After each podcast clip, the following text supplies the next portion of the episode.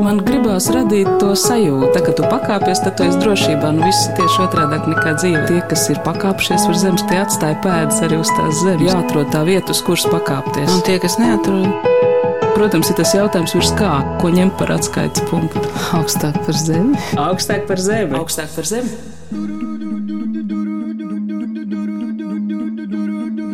Дни летят, как рюмочки, а мы летим, как ласточки. Сияют в небе лампочки, а мы летим, как звездочки. Они летят, как ласточки, а мы летим, как палочки. Часы стучат на палочки, а я сижу в ермолочке. Ой, ой, ой, ой, ой, ой, ой, ой, ой, ой, ой, ой, ой, ой, ой. Esiet sveicināti! Viens no jaunajiem gadiem, kas man spilgti palicis atmiņā, bija pirms gadiem 20, sagaidīts Vestienā pie Kāla ezera. Jaungada naktī viss kā parasti - everģēlības izdarības jautra ballīte, toties 1. janvāra diena pārsteidz ar neticam dāsnu sauli. Gājām pāri aizsalušu ezeru, baltais klājums likās tik bezgalīgs, sniegs vizuļoja tik spoži, ka pamazām pazuda visas domas, atmiņas, laika izjūta. Un visa pasaule bija kā vilinoša, mirdzoša balta lapa, pār kuru sniegā ik pa brīdim iegrimdam, sasaugdamies, kuņojās nevis burti, bet cilvēki. Tie bijām mēs. Visi kopā, es un mani draugi, joprojām ceļā, izbaudot balīdzes radīto solidaritāti. Rūmački, Сияют в небе лампочки, а мы летим, как звездочки. Они летят, как рюмочки, а мы летим, как ласточки. Сияют в небе лампочки, а мы летим, как звездочки. Ой-ой-ой-ой, ой-ой-ой-ой-ой. Un šāda absolūta laimes mirkļi mēdz atkārtoties sapņos. Sajūta, ka lido augstāk par zemi, sajūta, kad pēc ilgstošām sāpēm pēkšņi paliek labāk, un arī šī tukšuma, bezlaika, bezdomu, baltuma sajūta, un šādas atmiņas palīdz dzīvot. Mans vārds ir Anna Bušvica, un savā ziņā, pateicoties pandēmijai, publiskas dienas grāmatas rakstīšana nu jau būs kļuvusi par iekšēju nepieciešamību. Rakstīšu pārdomas par to, kas paliek parasti ārpus raidījumiem, un arī nedēļas dienas šai dienas grāmatā būs nosacīts. Tās drīzāk iezīmēs pārdomu tēmas vai sajūtu gada laikus. Patīk!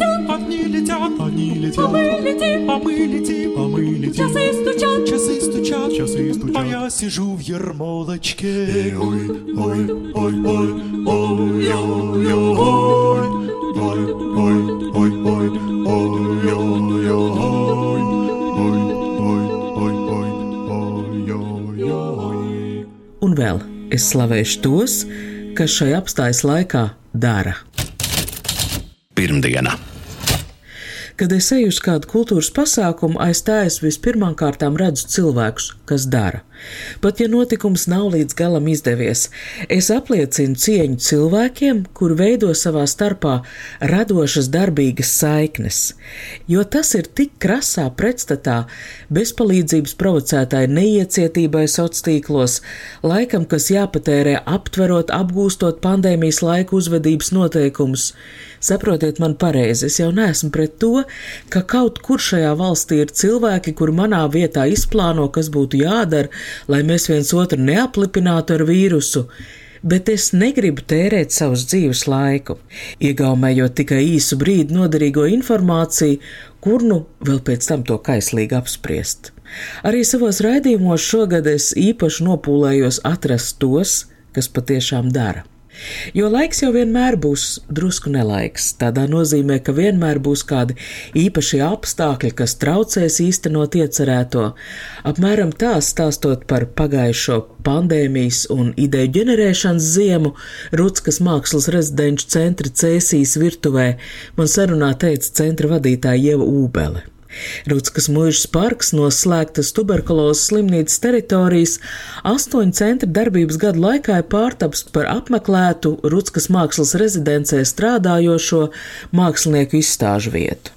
Un arī tā globālāk Pandēmijas laikā slēgto izstāžu zāļu dēļ mākslas kuratoriem visā Latvijā šogad strauji nācās pārorientēties uz publisko ārtelpu, un tā ir jauna pieredze arī mākslas skatītājam. Jo, ja līdz šim iešana uz izstāžu zāli bija sava veida rituāls, tad tagad sastapšanās ar mākslu var notikt bez apzināts izvēles, iekšējas noskaņošanās, durvju vēršanas. Kādu triecienu jūs vēlētos saņemt savās ikdienas gaitās? Un tomēr man nepareizi šķiet vairuma mazpilsētu saimnieku pieņemtais lēmums eksponēt pilsētvidē iespējami neitrāls objektus, kas labi izskatās selfijos, bet reizēm vispār nav nekāda māksla. Var veidot norobežotas teritorijas, mākslas parkus. Šovasar Latvijas laikmatīgās mākslas centra mobilā muzeja ekspozīcija bija skatām urbānajos džungļos ap bijušo tekstilu rūpnīcu Bolševička. Viens no pareizākajiem, taču laika un arī darba ietilpīgākajiem ceļiem ir pilsētas iedzīvotāja iesaistīšana darba tapšanā. Tā tas notika ar Paula Liepas sienas gleznojumu Cēsu pilsētvidas ekspozīcijā Mākslas kūre. Un, manuprāt, tieši saruna bija tas nepadarītais darbs Kristiāna Brektas murāļu gadījumā Rīgā Aksielā. Viens no šī gada, manuprāt, spēcīgākajiem projektiem, kas apliecināja, ka māksla pilsētvidē var kalpot kā dziedinoša saruna, man likās šopavasar uzvaras parkā Rīgā skatāmā pastaiga pa triumfu arkādi.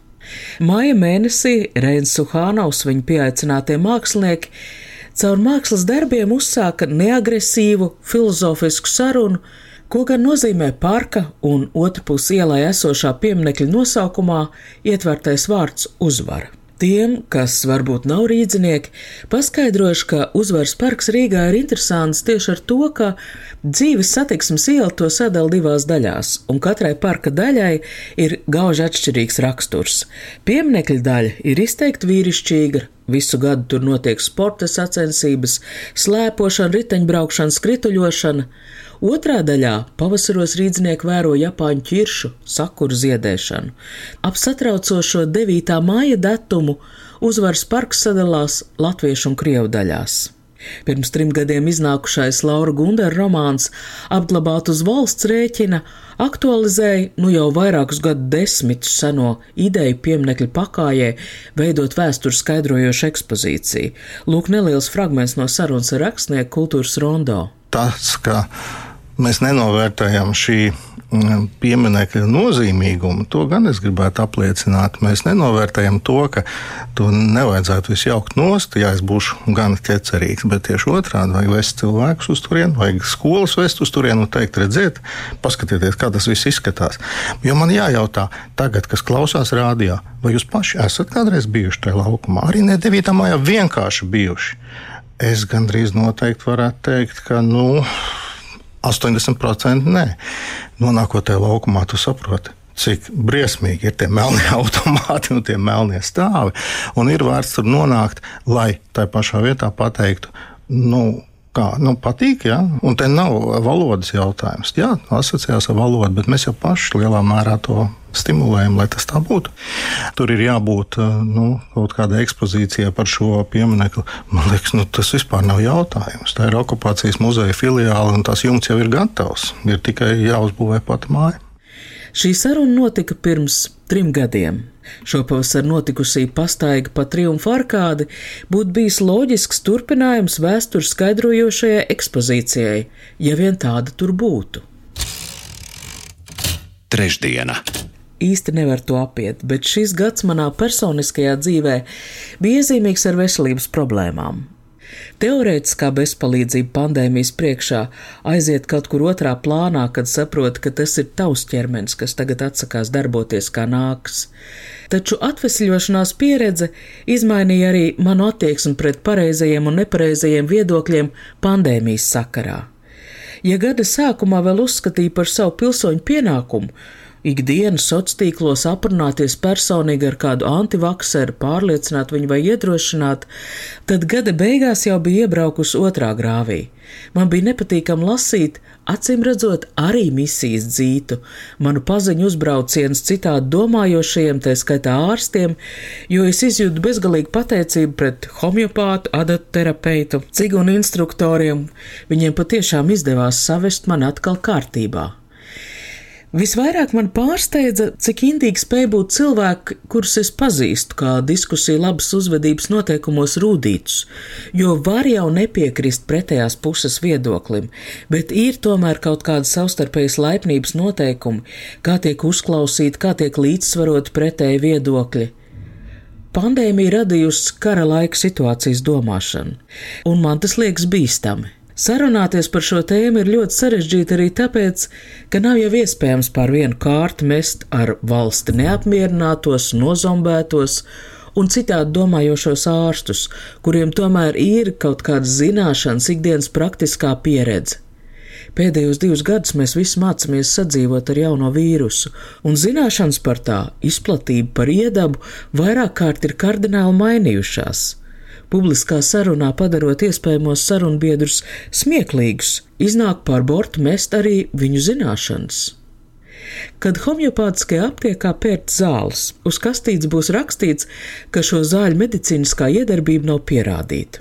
Citējot Renē Magritu, šī nav pīpe. Aptieka nav aptieka, zāles nav zāles.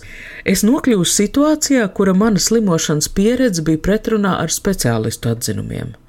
Man kāja un roka nedarbojās kā nāks, tagad darbojas, bet tam nav nozīmes, jo vispārējais uzskats ir homeopātija ir ne vairāk kā placebo efekts. Es nevienu brīdi neapšaubu, mums ir jāvienojas par kādiem visiem obligātiem noteikumiem, ja vispār vēlamies dzīvot sabiedrībā. Bet vienlaikus tas mudina ikdienas neusticēties paša veselajam saprātam un paša pieredzēji. Piemēram, man pianists Vestards Šimkus uz skatuves vairāk metru attālumā no vakcinētajiem skatītājiem ar svaigu covid testu neliekas epidemioloģiski bīstams. Atteikto koncertu rīkotāji pēc Šimkus paziņojuma pārtraukt koncertu darbību Latvijā tā īsti netika aptaujāti, iespējams vaina bija savstarpējā komunikācijā, Arī Andra Manfelde šobrīd raksta tik spēcīgu dzēju kā vēl nekad. Diemžēl tieši karojošā komunikācija padarīja neiespējamu viņas dalību šī rudens dzējas dienās.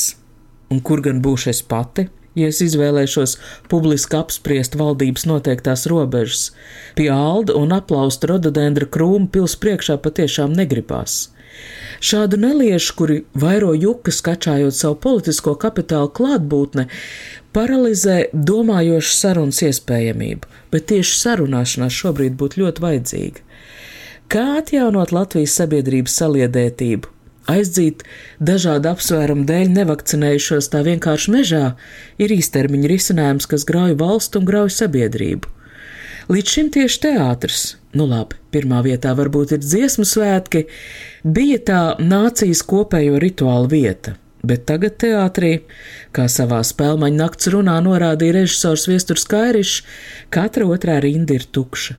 Man liekas, ka mums arī šodien, apzinoties kultūras lomu sabiedrībā, ir jārunā par būtisko.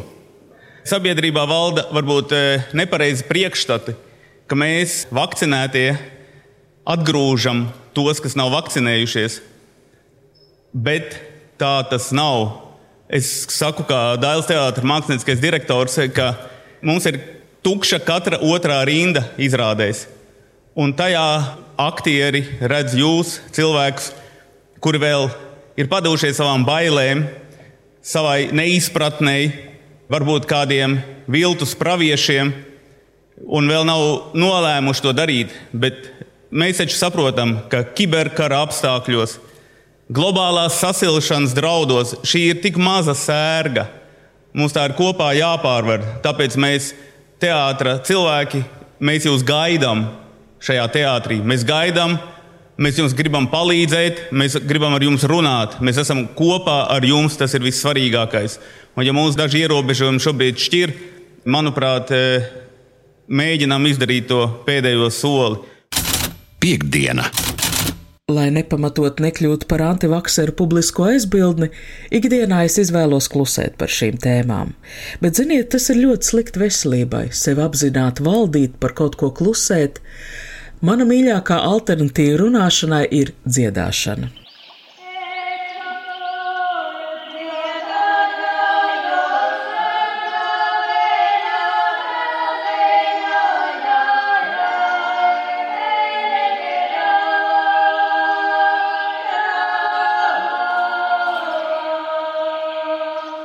Decembra sākumā uzzinājām, ka tradicionālās dziedāšanas grupas saucējs šogad iznākušais albums Dabā iekļūs prestižajā World Music Charts Europe gada top 243. vietā, kas, ņemot vērā, ka pretendentu sarakstā uz gadu apkopojošo topu bijuši ap 800, ir patiešām cienījami.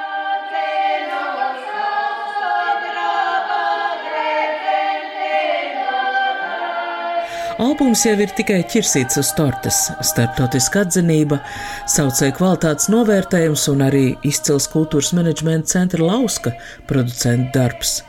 Bet saucēja ceļš uz atskārtu, kā daudzbalsīgās ārā dziedamās dziesmas patiešām ir dziedamas ārā, pievēršot uzmanību vietas akustikai. Kā balss skan kalnā, ieplakā vai ezera malā, norisinājies vairāku gadu, pat gadu desmitu garumā pievēršot uzmanību tautas dziesmas izcelsmei, kur tā ir pierakstīta. Sarunājoties ar teicējām, būtisks ir ne tikai nošs pieraksts, bet arī ar dziesmu saistītie stāsti.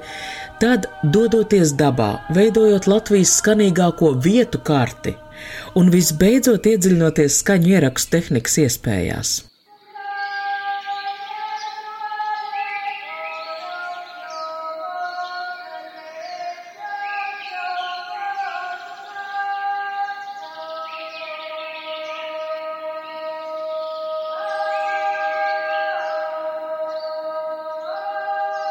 Šādu uzmanību pret skaņveidi, apkārtējo akustiku, dabas ritu gada garumā izvēršas par dzīvesveidu un atkarību. Tad nu varat iedomāties, ko saucēja dziedātājām nozīmē pandēmijas kopdziedāšanas aizlieguma laiks.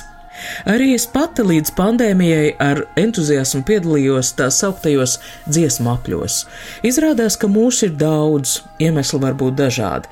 Vai nu lācis uz auss uzkāps un tamdēļ izmests no visiem koriem un ansambļiem, vai atkal vienkārši nav tik daudz laika, lai regulāri apmeklētu mēģinājumus un būtu ambīcijas kāpt uz skatuves. Šādos dziesmu apļos ziedu laikos varēja salasīties pat vairāk desmit cilvēku. Priecīgi stundas trīs no vietas lietas rāva vaļā nesarežģītas tautas dziesmas. Tā kā šīs tikšanās tomēr notika publiskās vietās, muzeja, kultūras nama zālēs, dziesmu apļi pandēmijas laikā aizplūda pagrīdē vai vienkārši izčibēja. Viena no saucēja dalībniecēm šopavasar atrada oriģinālu risinājumu.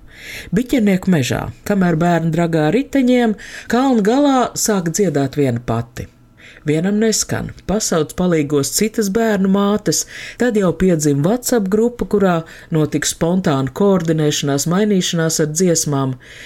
Pāri izvēlētajam kalnam biķernieku mežā ved velotreka maršruts. Kalns ir diezgan stāvs un pedāļu minējams sviedriem pārplūstot, kādu brīdi nāks cīnīties pretīm dziedātājām un neizskatās, ka kāds būtu par to sašuts. Top selfija, laipna saskatīšanās. Pandēmijas aizlieguma laiks arī parāda, cik viena vai otra kultūras tradīcija ir dzīvotspējīga, bez institucionāla atbalsta. Un šis stāsts par biķernieku mežu man liekas iedvesmojošs arī no šāda viedokļa. Sestdiena! Es gribētu parunāt par laiku. Man šķiet, ka apturēts, sajaukts vai pretēji ritošs laiks ir spilgtākā pandēmijas iezīme, kad, iztrūkstot nākotnes plāniem, jauniem kairinājumiem, pagātnes notikumi kļūst tikpat spilgti kā tagadne. Iespējams, šo sajūtu veicina ne tikai mājasēde, bet arī spilgtu mākslas darbu dzimšana, Šogad iznākušais Kristīnas Žēlvas romāns par Grosvaldu dzimtu ir izcils laika sajaukšanas piedzīvojums. Senas fotogrāfijas, uzņemtas pirms vairāk kā simts gadiem, romāna lapusēs atdzīvojas kā kino kadrs. Autora laiku pārvērš valodā ļauj laikam tecēt ašu kā strautiņam, griezties kā tingela tangela karuselim, Marijas Grosvaldes dzimušas pakalnieku atmiņās, liek vārdiem krist svinīgi kā baušļiem Grosvaldu papus valodā. Inga Gaila sērijas Es esmu romānā rakstītāja. Ivāns Kais dienas grāmatās pieraksta klāt savu, pie kam tā, ka nevar atšķirt. Acīm redzot, laikā ir ejas, un rakstītājs pa tām spēj satikties. Rakstniecības un literatūras zinātnes miedarbas projektā es esmu šogad iznākusi arī pirmā literatūras zinātnieku monogrāfija. Tā ir Jāņa Zālīša kam puķa plauks par Jānu Ziemeļnieku, un tas ļauj beidzot pilnībā novērtēt, kā tā darbojas sērijas iecere. Ko līdzīgi pirms pāris gadiem izdarīja literatūras zinātniece Gundaga Grīnuma monogrāfijā Viņpus Alpiem, izpētot Rāņu un Aspazijas Šveicē vadītās dienas līdz stundai, līdz minūtei, izsakojot pilnīgi visiem pavadieniem. Ir brīži, kad liekas, kam tas vajadzīgs, vai tam vispār ir sakars ar literatūru. Izvēlākā Jāņa Ziemeļnieka biogrāfijas ņemtie zīmējumi un rīmes uz mūža stārasta kraukļa atraitnē ierādītā vecā kakta sienām, uz kurām pat mūžas ļaudis nāk skatīties kā izstādē, pat par sevi ir literatūra. Kā vienu no spilgtākajiem nesenā laika darbiem, kas mēģina dokumentēt šo laiku, gribētos nosaukt Edgara Mākena kameroperu kontakts Dartī Dīl teātro. Sergeja Timofejeva libretā darbība notiek kaut kad tuvā nākotnē, kad pandēmija jau ir beigusies, bet distancēšanās un mājasēde kļuvusi par dzīves stilu.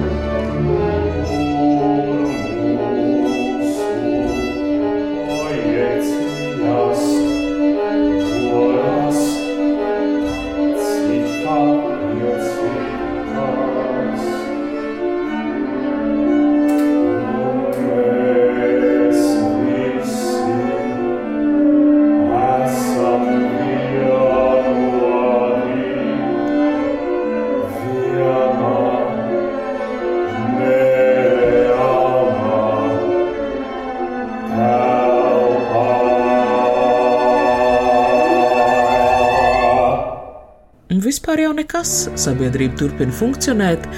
Operas galvenais varonis ir dzinieks, kurš ik pa brīdim sociālajos tīklos publicē savus dzējoļus. Sarunāties gan dziniekam visbiežāk iznāk ar savu digitālo asistentu datorā. Digitālā asistente tas ir tas lodziņš, kas izlec, kad sākat darboties ar datoru. Tāds mākonīts, kurā kāds apliecina, ka ir ļoti priecīgs jūs redzēt, piedāvājis palīdzēt. Datoram uzkaroties vīrusu dēļ, dzēnieks veids vēl vienu ceļojumu laikā. Nokāp pagrabā, atrod rakstā mašīnu ar pirmajiem dzējoļiem, atrod analogo telefonu, to ar vadu un klausuli. Un varbūt laiks, laika skaitīšana, gada skaitļi tiešām ir mazsvarīgi un pagātni no tagadnes atšķir tikai izmantotās tehnoloģijas. Rakstā mašīnas klaboņas diktētais pantmērs pret teksta redaktoru labojumiem datorā, telefonu klausulu dzējas publiskošanai pret sociālo tīklu uzplūdiem un atplūdiem. Pārskatot iepriekšējo gadu, šajā raidījumā skanējušās dienas grāmatas, pamanu, ka agrāk rakstītajā pandēmija kalpo kā iemesls mirkļu sakāpinātības pieredzes pierakstīšanai, Šajā dienas grāmatā pandēmija neapšaubām joprojām ir klātesoša, bet nu jau tā ir kā ceļa biedra, kā ielaista kaite. Pandēmijas laikā ir arī kaut kas no ballītes. Viena no vērtīgākajām šogad lasītajām grāmatām man bija norvēģu psihoterapeita un publicista Fina Skorderuda Nemiers. Šajā grāmatā tiek skaidrots modernā cilvēka kaitas. Skorterudam kā ārstam bieži nācies arī piedzīvot, ka pacients jūtas burtiski atvieglots, kad viņam tiek noteikta medicīniska diagnoze. Viņš nemaz nevēlas atvadīties no savas slimības, kas pieļauj izskaidro viņa citādību. Vai mēs vispār esam gatavi kļūt atkal veseli? Svētdiena! Visvairāk laikam šai apstājas laikā es ciešu no tā, ka nav nākotnes plānu. Arī gluži privātā mērogā. Neskaidrība par ierobežojumiem dēļ jaungada karnevālam plānotā finansiāli vērienīgā lielā Getspija mājas ballīte tiek atcelta, nomainot tēmu uz mazbudžeta - nerealizētie bērnības sapņi. Ceram ieraudzīt pulkiem vienu kosmonautu sugunsdzēsējs, teikt aicinājumā, un es zinu, ka vismaz trīs no manām paziņām jau pasūtījušas balerīnas bruncīšas no studijām, kuras nu jau apmeklē viņu bērni. Un tomēr gada nogalē tik ļoti gribas kalt vērienīgus plānus. Sēžot pie dzimšanas dienas kūks, mana paziņa Margarita lietišķi man aprāja. Plānus kalt jau nav māka. Anda, tev ir palikušas gada pēdējās dienas, lai tagad visus tos plānus sašķirotu, izdomātu soļus, kā tos īstenot. Nē, manī pretojas apelsīna liķieris. Tā es negribu. Plānošana tikai ierobežo domas lidojumu. To īstenošanu es varu uzticēt arī citiem, bet man svarīgi ir sapņot. Kad runājam par karnevāla tērpiem, Inês atceras, ka arī viņas bērnības sapnis reiz ir bijis kļūt par balerīnu. Operu viņa apmeklē, baleta izrādes novērtē joprojām. Ikdienā prasmīgi bīda vērienīgas kultūras projekts, un man gribas teikt, ka tie prasa ne mazāku precizitāti un grāciju kā balerīnai nostāvēt uz poantēm. Bet tam, ka viņa kādreiz ir uzdrošinājusies sapņot, jūsmot par balerīnām, tam tomēr ir kāda ļoti būtiska nozīme viņas pašreizējā dzīvē. Es pat neatceros, par ko es gribēju kļūt bērnībā. Patiesībā es vispār negribu domāt par pagātni. Es drīzāk gribu domāt par jaunu sākumu, lai cik neīstenojams, neiespējams tas šajā ierobežojuma laikā liktos, un to es novēlu mums visiem, lai gads jums patiešām ir jauns.